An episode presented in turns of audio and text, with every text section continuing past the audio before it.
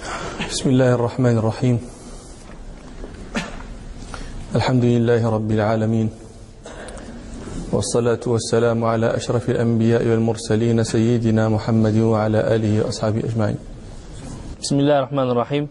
قال عبيد الله بن يحيى رحمه الله وحدثني عن مالك عن عمرو بن عبد الله بن الزبير عن عمرو بن سليم الزرقي عن أبي قتادة الأنصاري رضي الله عنه أن رسول الله صلى الله عليه وسلم قال إذا دخل أحدكم المسجد فليركع ركعتين قبل أن يجلس.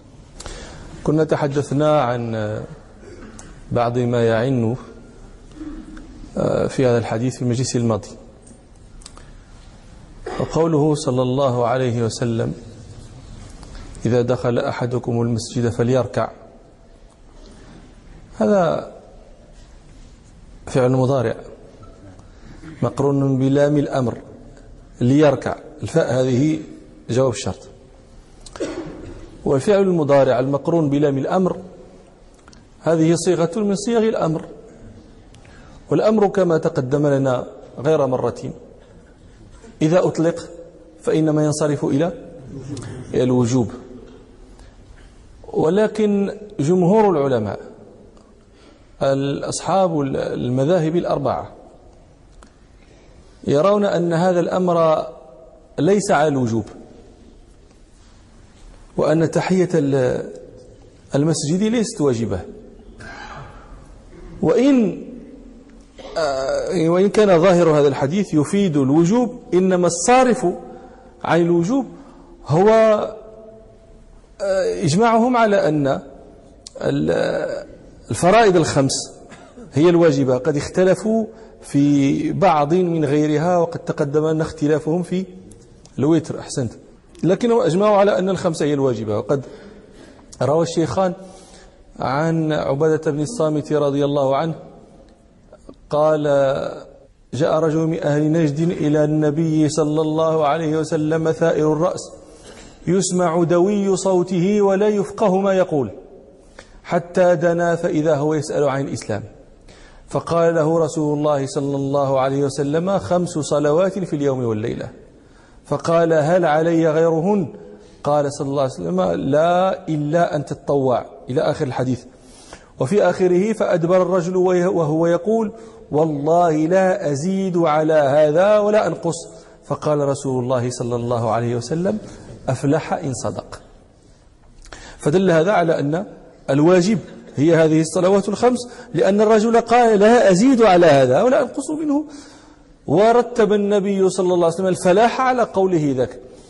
قد يعترض الظاهرية داود الظاهري وبعض بعض المتأخرين قلة من المتأخرين من أهل العلم ذهبوا إلى وجوب تحية المسجد. معتمدين على على على ظاهر هذا الحديث. وعندما نقول لهم إن إن ما وجب هو الخمس فقط يعترضون علينا بصلاة الجنازة. هي واجبة أم ليست واجبة؟ صلاة الجنازة. صلاة الجنازة واجبة. ومع ذلك هي غير داخلة في في الخمس. لكن نجيب بأن وجوبها وجوب كفائي وليس وجوبا عينيا. فإذا فعلها هذا لم تكن واجبة علي أنا. فيضعف هذا يضعف هذا اعتراضهم علينا. ثم الجمهور أيضا يستدلون بما رواه ابن أبي شيبة في مصنفه. عن زيد بن أسلم قال كان أصحاب النبي صلى الله عليه وسلم يدخلون المسجد ثم يخرجون ولا يصلون. قال ورأيت ابن عمر يفعل ذلك. ولو كانت واجبة لا, لا, لا, لا, لا ما خرجوا من غير صلاة. ثم يدل على هذا أيضا ما تقدم لنا من حديث سليك الغطفاني. دخل النبي لما دخل النبي صلى الله عليه وسلم على المنبر فأقامه من قعوده وأمره بالصلاة. ولما جاء ذاك يتخطى جاء آخر يتخطى الرقاب أمره النبي صلى الله عليه وسلم بالجلوس ولم يأمره بالصلاة قال له اجلس فقد أذيت وآليت من غير أن يأمره بصلاة تحية المسجد. فدل هذا كله على التوسعة في تحية المسجد وأنها ليست على الحتم. ثم إن هذا الحكم عن استحباب تحية المسجد. يدل له النظر أيضا. كيف هذا؟ لو كان تحية المسجد واجبة لحرم على المحدث حدثا أصغر أن يدخل المسجد. المحدث حدثا أصغر لو كانت تحية المسجد واجبة لكان حراما عليه الدخول إلى المسجد. لماذا؟ لأنه إذا دخل لن يستطيع الصلاة. لأنه محدث حدثا أصغر. وهي واجبة فيكون حراما عليه الدخول أصلا. وليس أحد من العلماء يقول إن المحدث حدثا أصغر يحرم عليه الدخول المسجد. فدل هذا على أن تحية المسجد ليست واجبة. ولماذا لماذا ندب إلى إلى إلى إلى تحية المسجد أولا؟ لأن المساجد إنما بنيت للصلاة. فكان فالمناسب أن يكون أول ما يفعل في المسجد هو ما بني له المسجد وهو الصلاة. ثم إن المساجد إن هذه التحية المسجد من من من أسرار تشريعها الميز بين بيوت الله وبيوت غيره. فأنت لا لا تحيي بيوت الناس بأن تصلي فيها ركعتين ولكن تميز بيوت الله عن بيوت غيره. بأن تصلي فيها. فهذا تمييز بين بين فهذا من من من مقاصد تشريع تحية المسجد. فإذا دخل الداخل المسجد وقد أقيمت الصلاة صلاة الفريضة. هل يصلي تحية المسجد؟ قولا واحدا لا يصليها. وهذا لا خلاف بين العلماء في هذا. لا يصلي تحية المسجد لأن النبي صلى الله عليه وسلم يقول إذا أقيمت الصلاة فلا صلاة إلا المفروضة وفي رواية فلا صلاة إلا التي أقيمت.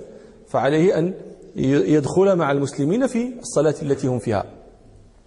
وقد قلت لكم إن تحية المسجد شرعت للتمييز بين بيوت الله وبيوت غيره وذلك يقتضي أن يبدأ فيها بصلاة ما. سواء أكانت فرضا أو كانت نفلا. طيب دخل هذا الإنسان دخل. ثم جلس. من غير أن يصلي تحية المسجد. قال الشافعي قالوا بعض الشافعية فاته من دخل ثم جلس قبل أن يصلي تحية المسجد لم يشرع له تداركها. فاتته التحية. نحن نقول يقول بشار في السنن المؤكدات ضحى تراويح مع التحية لمسجد ولم تفت بالجلسة ما معنى هذا؟ معنى أنه إذا جلس قبل أن يحيي المسجد بالركعتين ثم تذكر أو, أو, أو أقامه أحد من, من الناس ليصلي فإن فإنه يشرع له أن يصلي فتتدارك ولا تفوت ومذهبنا أرجح لماذا؟ لقصة سليك بن سلكة الشيخان عن يرويان عن جابر بن عبد الله رضي الله عنهما قال دخل قال دخل سليك الغطفاني المسجد يوم الجمعة والنبي صلى الله عليه وسلم قاعد على المنبر فقاعد سليك قبل أن يصلي. فقال له رسول الله صلى الله عليه وسلم أركعت ركعتين؟ قال لا. قال قم فاركعهما. هل فاتته؟ آه. فلم تفته. وهذا حكم المساجد عامة. ويختلف الحكم فيما يختص بالمسجد الحرام. قال مالك رحمه الله في العتبية آه، يبدأ إذا دخل المسجد الحرام فإنه يبدأ بالطواف قبل صلاة الركعتين. تحية المسجد الحرام الطواف. واستدل ابن رشد لقول مالك هذا بفعل رسول الله صلى الله عليه وسلم في حجة الوداع. ففي الحديث الطويل الذي رواه آه، مسلم في صحيحه عن جابر رضي الله عنه يصف فيه حجة النبي صلى الله عليه وسلم حجة الوداع. قال فأتى البيت فاستلم الركن ثم فرمل ثلاثا ثم مشى أربعا ثم صلى ركعتين خلف المقام. فبدأ بي بالطواف. وابن الباجي الباجي يستدل لهذا بالنظر أيضا. قال داخل المسجد الحرام. فإنه يبدأ بالعبادة التي اختص بها المسجد الحرام. قبل أن يأتي بالعبادة التي يشرك المسجد الحرام فيها غيره من المساجد وهو طواف. قال ثم إن الطواف لا بد بعده من ركعتين. الركعتان اللتان خلف مقام إبراهيم فيجتمع له الأمران. وهذا التبدئة بالطواف قد استنبطها ابن عباس رضي الله عنهما من كتاب الله. وهو مراه الحاكم عن ابن عباس رضي الله عنهما. قال قال قال ابن عباس قال الله تعالى لنبيه صلى الله عليه وسلم وعهدنا إلى إبراهيم وإسماعيل أن طهر بيتي للطائفين والعاكفين والركع السجود. قال فبدأ بالطواف. للطائفين والعاكفين وكذلك في سورة الحج للطائفين والقائمين والركع السجود. فبدأ بالطواف فيبدأ بالطواف. فإذا دخل المسجد في وقت كراهة هل يصلي تحية المسجد أم لا يصليها؟ إذا دخل بعد الصبح إذا دخل بعد العصر هذا موضع اختلف فيه العلماء. فمذهبنا ومذهب الحنفية ومذهب الحنابلة في رواية قال كثير منهم هي المعتمدة عندهم وهو وجه عند الشافعية أن أنه لا يصلي تحية المسجد من دخل في وقت كراهة وإنما يجلس. فإذا هذا مذهب الجمهور. والشافعية في رواية هي المشهورة عندهم والحنابلة في رواية اختارها كثير من محققهم قالوا يصلي. ما سبب الخلاف؟ السبب في في هذا الخلاف هو وجود حديثين متعارضين. كلاهما عام من وجه خاص من وجه. حديث يأمر كل داخل إلى المسجد بالصلاة. من غير تفصيل متى يدخل؟ وهو ما وهو حديث الباب. هذا حديث أبي قتادة ومروي في الصحيحين. أنه صلى الله عليه وسلم قال إذا دخل أحدكم المسجد فلا يجلس حتى يصلي ركعتين. من غير تعيين. هل دخل بعد الصبح بعد الظهر بعد العصر؟ إذا دخل أحدكم المسجد فلا يجلس حتى يصلي ركعتين. فهذا عام في الصلاة. الحديث الآخر عام في النهي وهو ما رواه الشيخان عن أبي هريرة رضي الله عنه. قال نهى النبي صلى الله عليه وسلم عن صلاتين بعد الفجر حتى تطلع الشمس وبعد العصر حتى تغرب الشمس. وما ما فصل؟ ما قال لا إلا إذا دخل المسجد أو كذا. فهذا نهي عام في الأوقات. وهذا هذه القضية هذا الحديثان بينهما كما قلت لكم عموم وخصوص وجهي ما هو هذا الكلام؟ ما هو هذا ما هي لتتصوروا المسألة. اعلموا أن هذه المفهومات التي تدرك تتعقل المعقولات بين بين كل معقولين إحدى نسب أربعة. وهي التساوي أو التباين أو العموم والخصوص المطلق أو العموم والخصوص الوجهي. هذه هي النسب الأربع بين المعقولات. ما معنى هذا الكلام الذي نسأل الله أن يسهله علينا لنفهمه؟ إذا كان عندك لفظان مدلول أحدهما يتناول كل مدلول الآخر. مثلا لفظ إنسان ولفظ بشر. مدلول الإنسان يتناول كل مدلول البشر لا لا؟ هل يتصور إنسان ليس بشرا؟ هل يتصور بشر ليس إنسانا؟ فإذا مدلول أ... سكتوا تتصوروا أنتما طيب. فإذا مدلول الإنسان يتناول كل مدلول البشر. ولا لا؟ ما النسبة بين الإنسان والبشر؟ التساوي. واضح هذا؟ هذه هذه إحدى النسبة النسب بين المعقولات. هي أربعة نسب أربع, نسب. فالإنسان والبشر متساويان النسبة بينهما التساوي. فإذا كان مدلول أحد اللفظين لا يتناول شيئا من مدلول الآخر.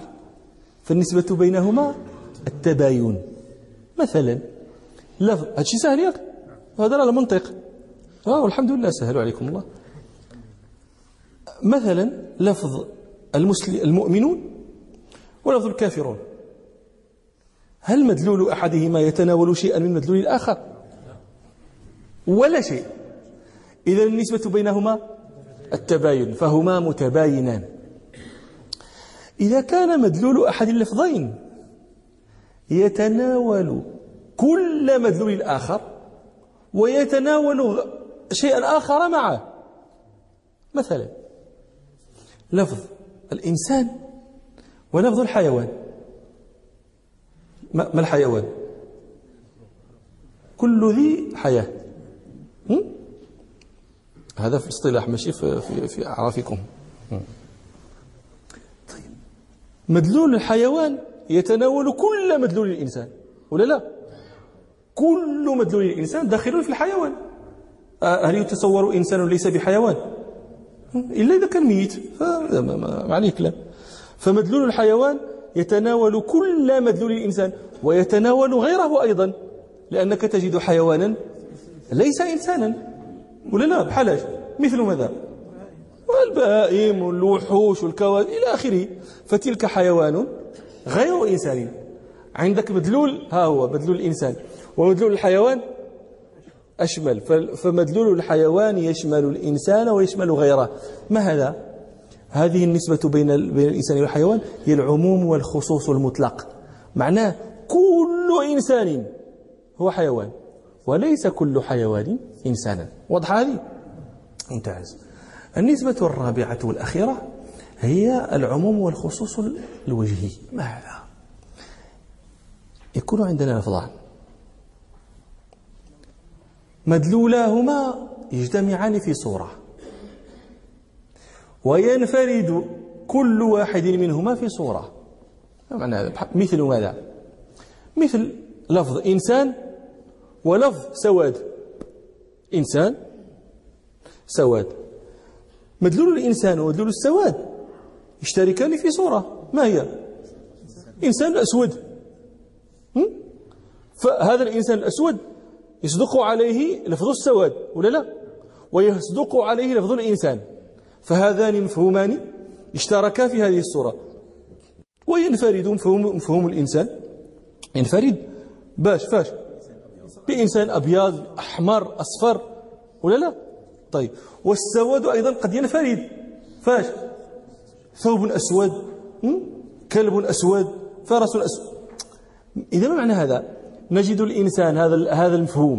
والسواد هذا المفهوم اشتركا هنا في الإنسان الأسود.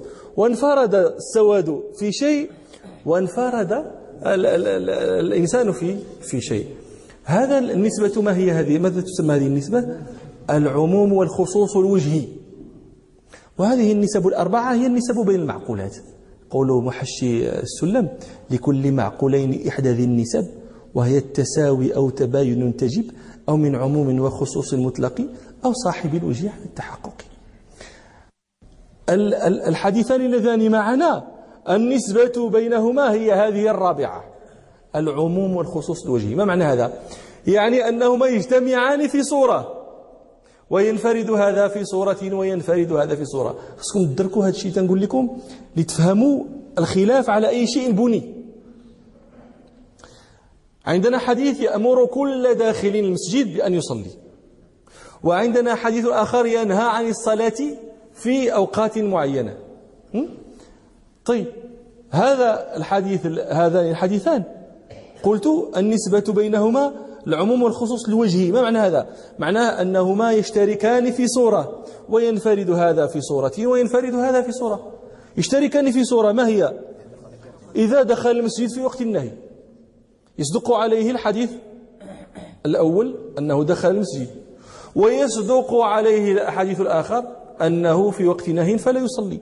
مفهوم؟ هذه الصورة التي يجتمعان فيها.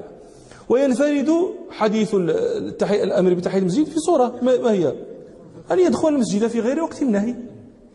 وينفرد حديث النهي في صورة. وهي من يريد أن يتنفل في بيته أو كذا في في وقت النهي. فإذا وقع مثل هذا فالإشكال قائم. لماذا؟ لأن أحد الخصمين إذا قال أنا أخصص حديث الأمر بحيث النهي. كأن يقول مثلا أنا أقول أنا أقول آه، آمر كل داخل أن يصلي تحية المسجد إلا في وقت النهي. فتركت حديث النهي على عمومه وخصصت حديث الأمر.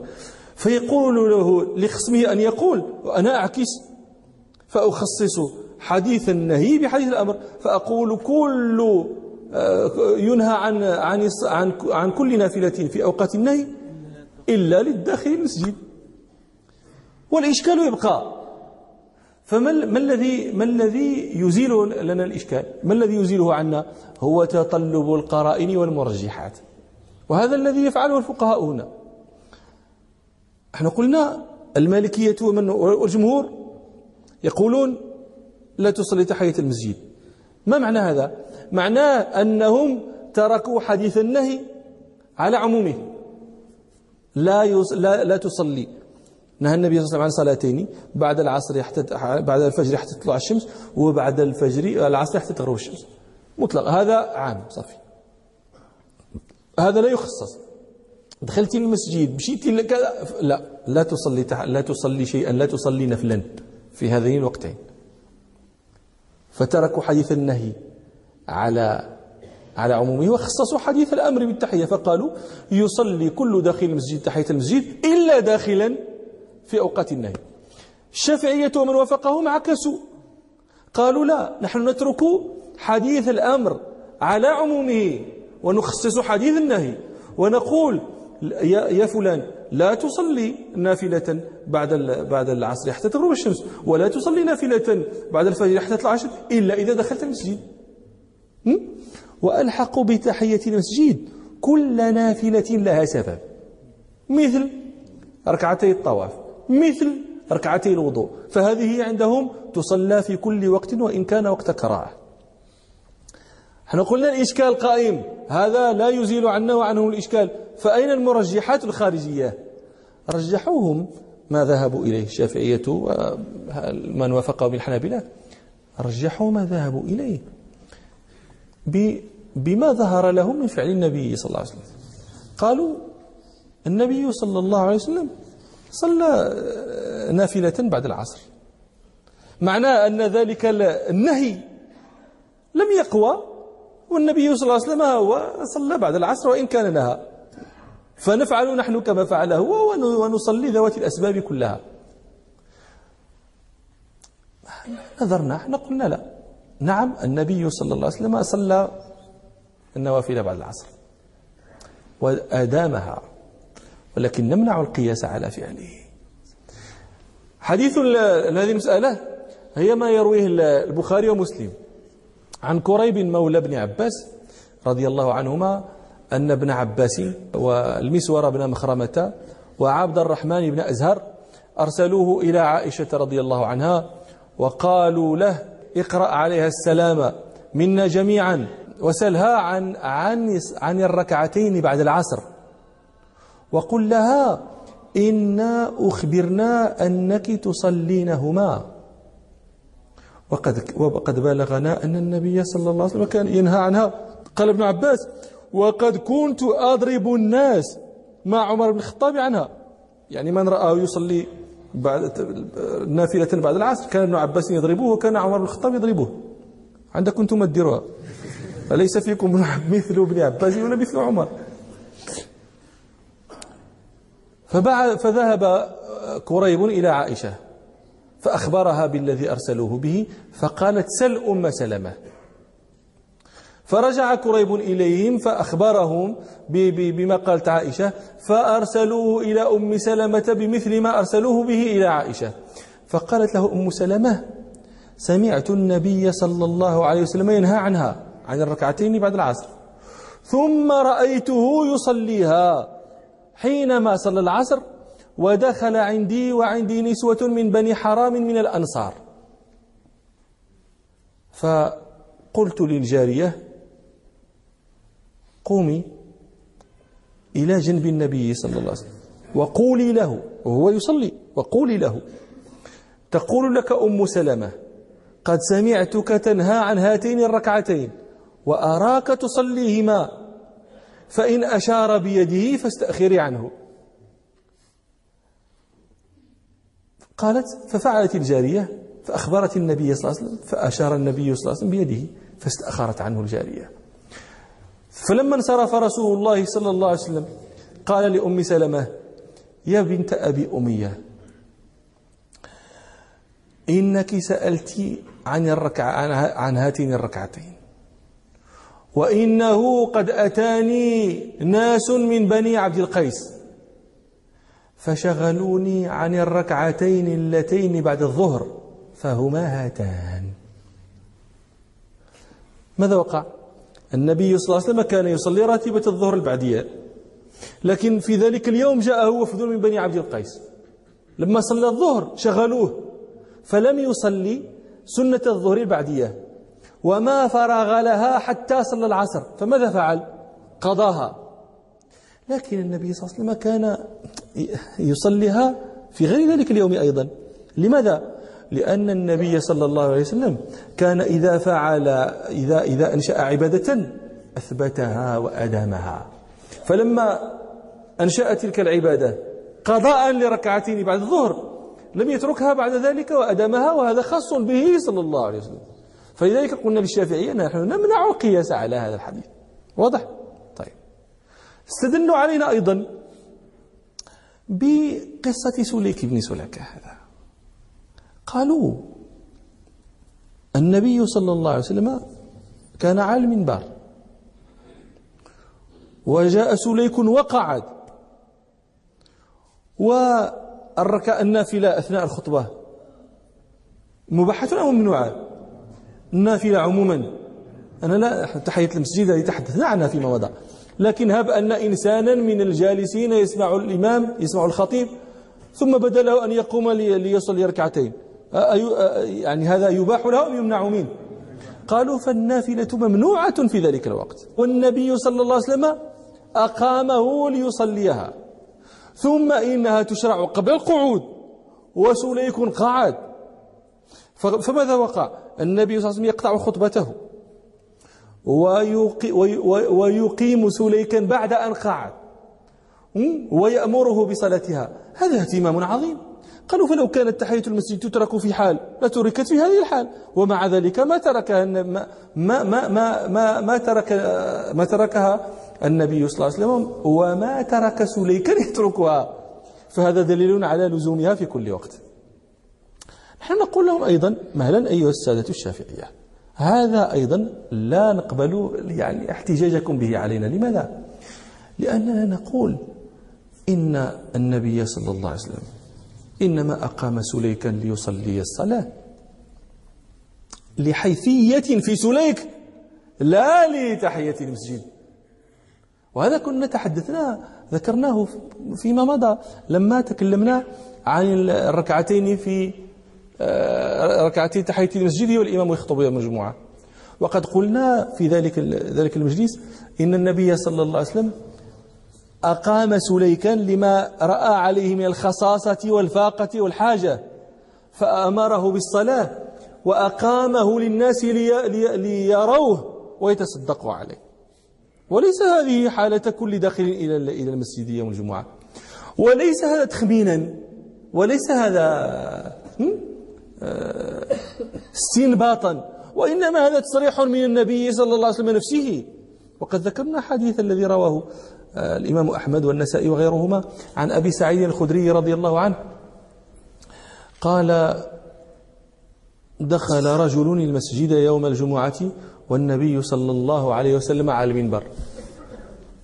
فقعد فدعاه النبي صلى الله عليه وسلم فأمره أن يصلي ركعتين. ثم دخل في الجمعة الثانية. والنبي صلى الله عليه وسلم على المنبر. فدعاه فأمره. ثم دخل الجمعة الثالثة. والنبي صلى الله عليه وسلم على المنبر.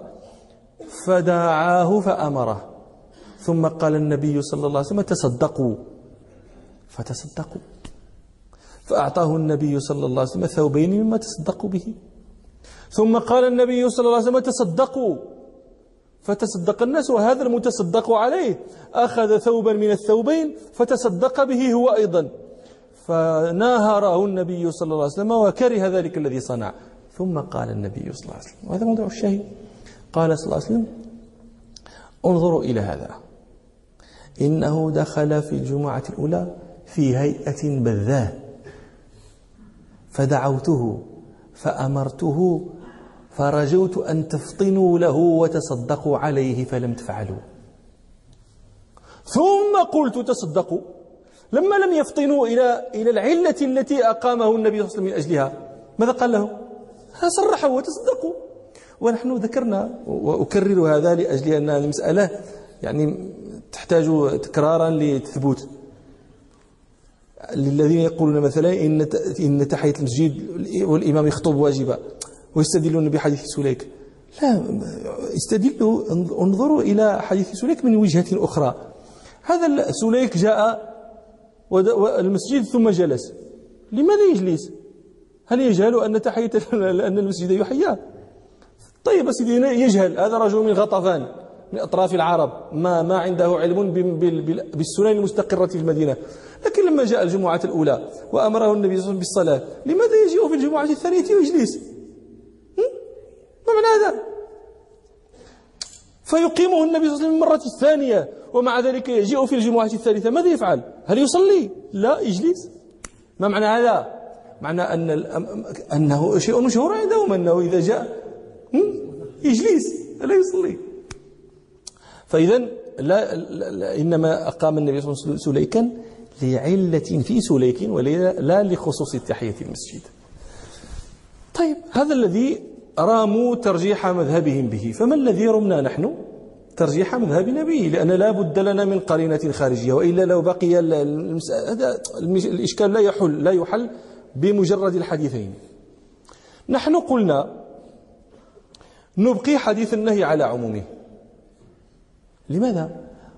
لأن هذا الحديث الآمر بالتحية وجدناه مخصصا بالإجماع في سورة من السور جميع الفقهاء متفقون على تخصيصه في سورة من السور ما هي هذه السورة؟ إذا دخلت داخل المسجد والإمام يصلي الفريضة هل يصلي تحية المسجد؟ إجماعا فهذا تخصيص ولا ليس بتخصيص؟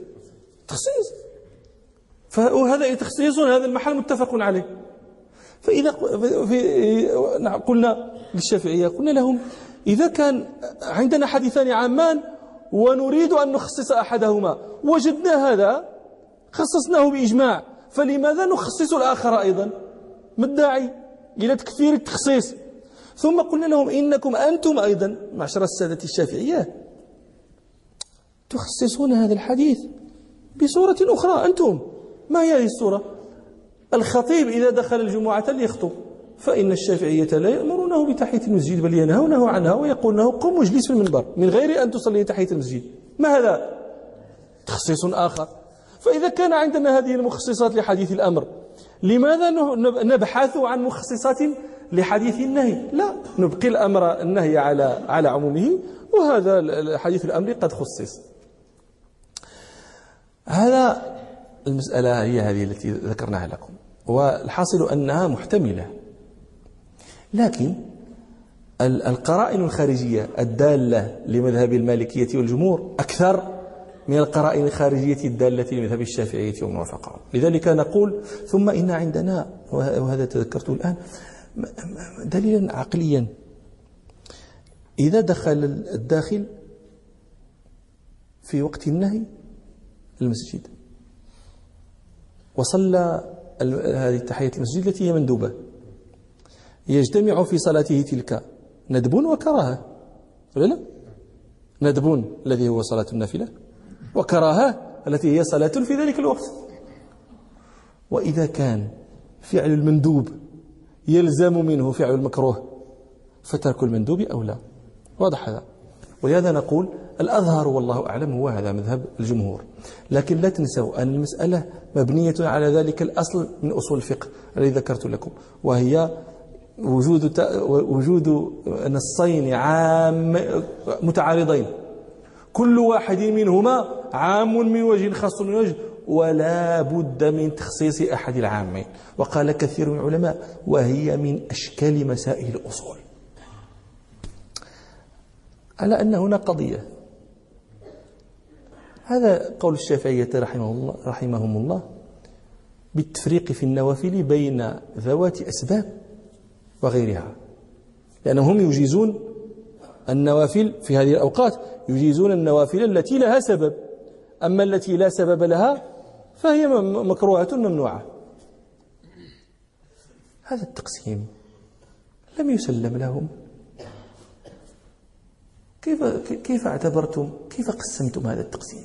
هذه نوافل ذات سبب وهذه ليست بذات سبب. نحن نرى أن هذا تفريقا بين المتماثلات لأننا نرى أن كل نافلة هي نافلة ذات سبب. لا لا نتصور نافلة لا سبب لها. لو لم يكن لها من السبب إلا أن الشرع ندب إليها. لكان كافيا. أليس هذا سببا؟ هذا الذي النبي صلى الله عليه وسلم يقول الصلاة خير موضوع. أليس هذا سببا؟ النبي صلى الله عليه وسلم يقول فيما يحكي عن ربه عز وجل ولا يزال عبدي يتقرب إلي بالنوافل حتى أحبه. أليس هذا سبب؟ هذا سبب أم لا؟ نعم هذا سبب. فمن قام ما دخل المسجد ولا توضا ولا طاف كان جالسا ثم بدا له أن يصلي ركعتين. ما الذي أقامه؟ ما السبب الذي أقامه لصلاة الركعتين؟ هي هذه الأسباب العامة التي فيها طلب التقرب إلى الله تعالى ولا لا؟ طيب إذا نحن ننفي أن وجود ما, ما لا سبب له من النوافل. فإن قالوا لا إنما نقصد بالنوافل ذوات السبب التي جاء فيها نص خاص لها. صلاة الضحى هذه جاء لها نص خاص وهي ذات سبب صلاة الأوابين حين ترمض الفصل إلى آخره. استحية المسجد هذه جاء لها نص خاص وهي ذات سبب. مفهوم؟ إذا قالوا هذا نقول لهم هذا أيضا لا يقوم لكم. لماذا؟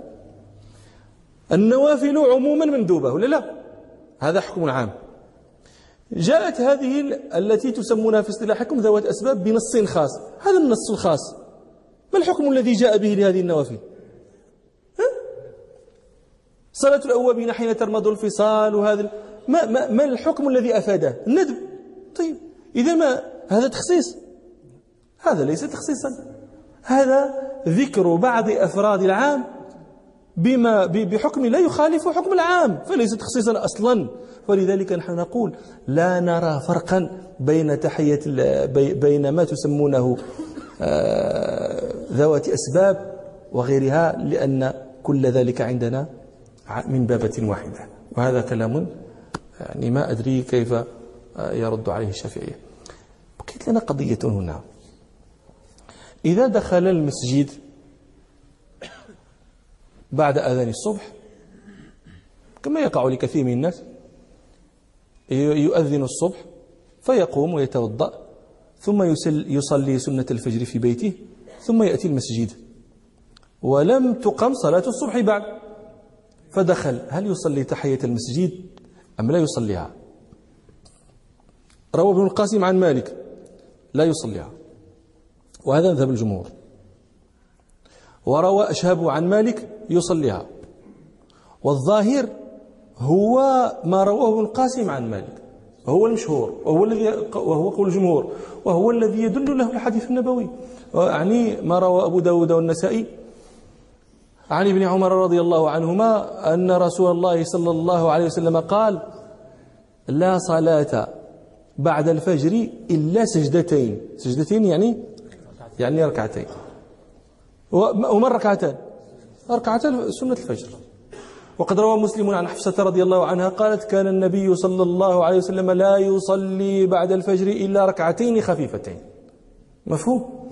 لكن الغريب جدا هو ما حدثته وهذا من العجائب.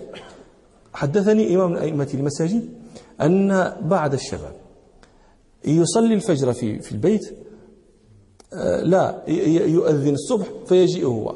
البيت أي المسجد يدخل فيصلي تحية المسجد. ثم تقام الصلاة فيصلي الصبح ثم يقضي الفجر. وهذه من الأعاجيب. واش فهمتوا يدخل بدل أن يصلي الفجر كما أمر النبي صلى الله عليه وسلم. ماذا يفعل هو؟ يصلي تحية المسجد ينوي تحية المسجد. فإذا سلم قام يصلي الصبح مع الإمام. فإذا سلم الإمام قام يقضيه هو سنة الفجر. مالك على هذا ودنك هي. مالك على هذه الحالة. أنت أنت إذا دخلت صلي الفجر سنة الفجر. وتلك هي تحية المسجد. لأن ما, ما, ما, ما هي تحية المسجد؟ لماذا قيل, لماذا قيل لك؟ لماذا طلب منك أن تصلي تحية المسجد؟ لأن أريد أريد منك أن تشغل المحل الذي أنت فيه بعبادة قبل الجلوس بصلاة قبل أن تجلس فيه بصلاة الفجر بصلاة الفرض بصلاة ما قبل أن تجلس فيه. وإلى مجلس آخر إن شاء الله. سبحانك اللهم وبحمدك أشهد أن لا إله إلا أنت أستغفرك وأتوب إليك والحمد لله رب العالمين.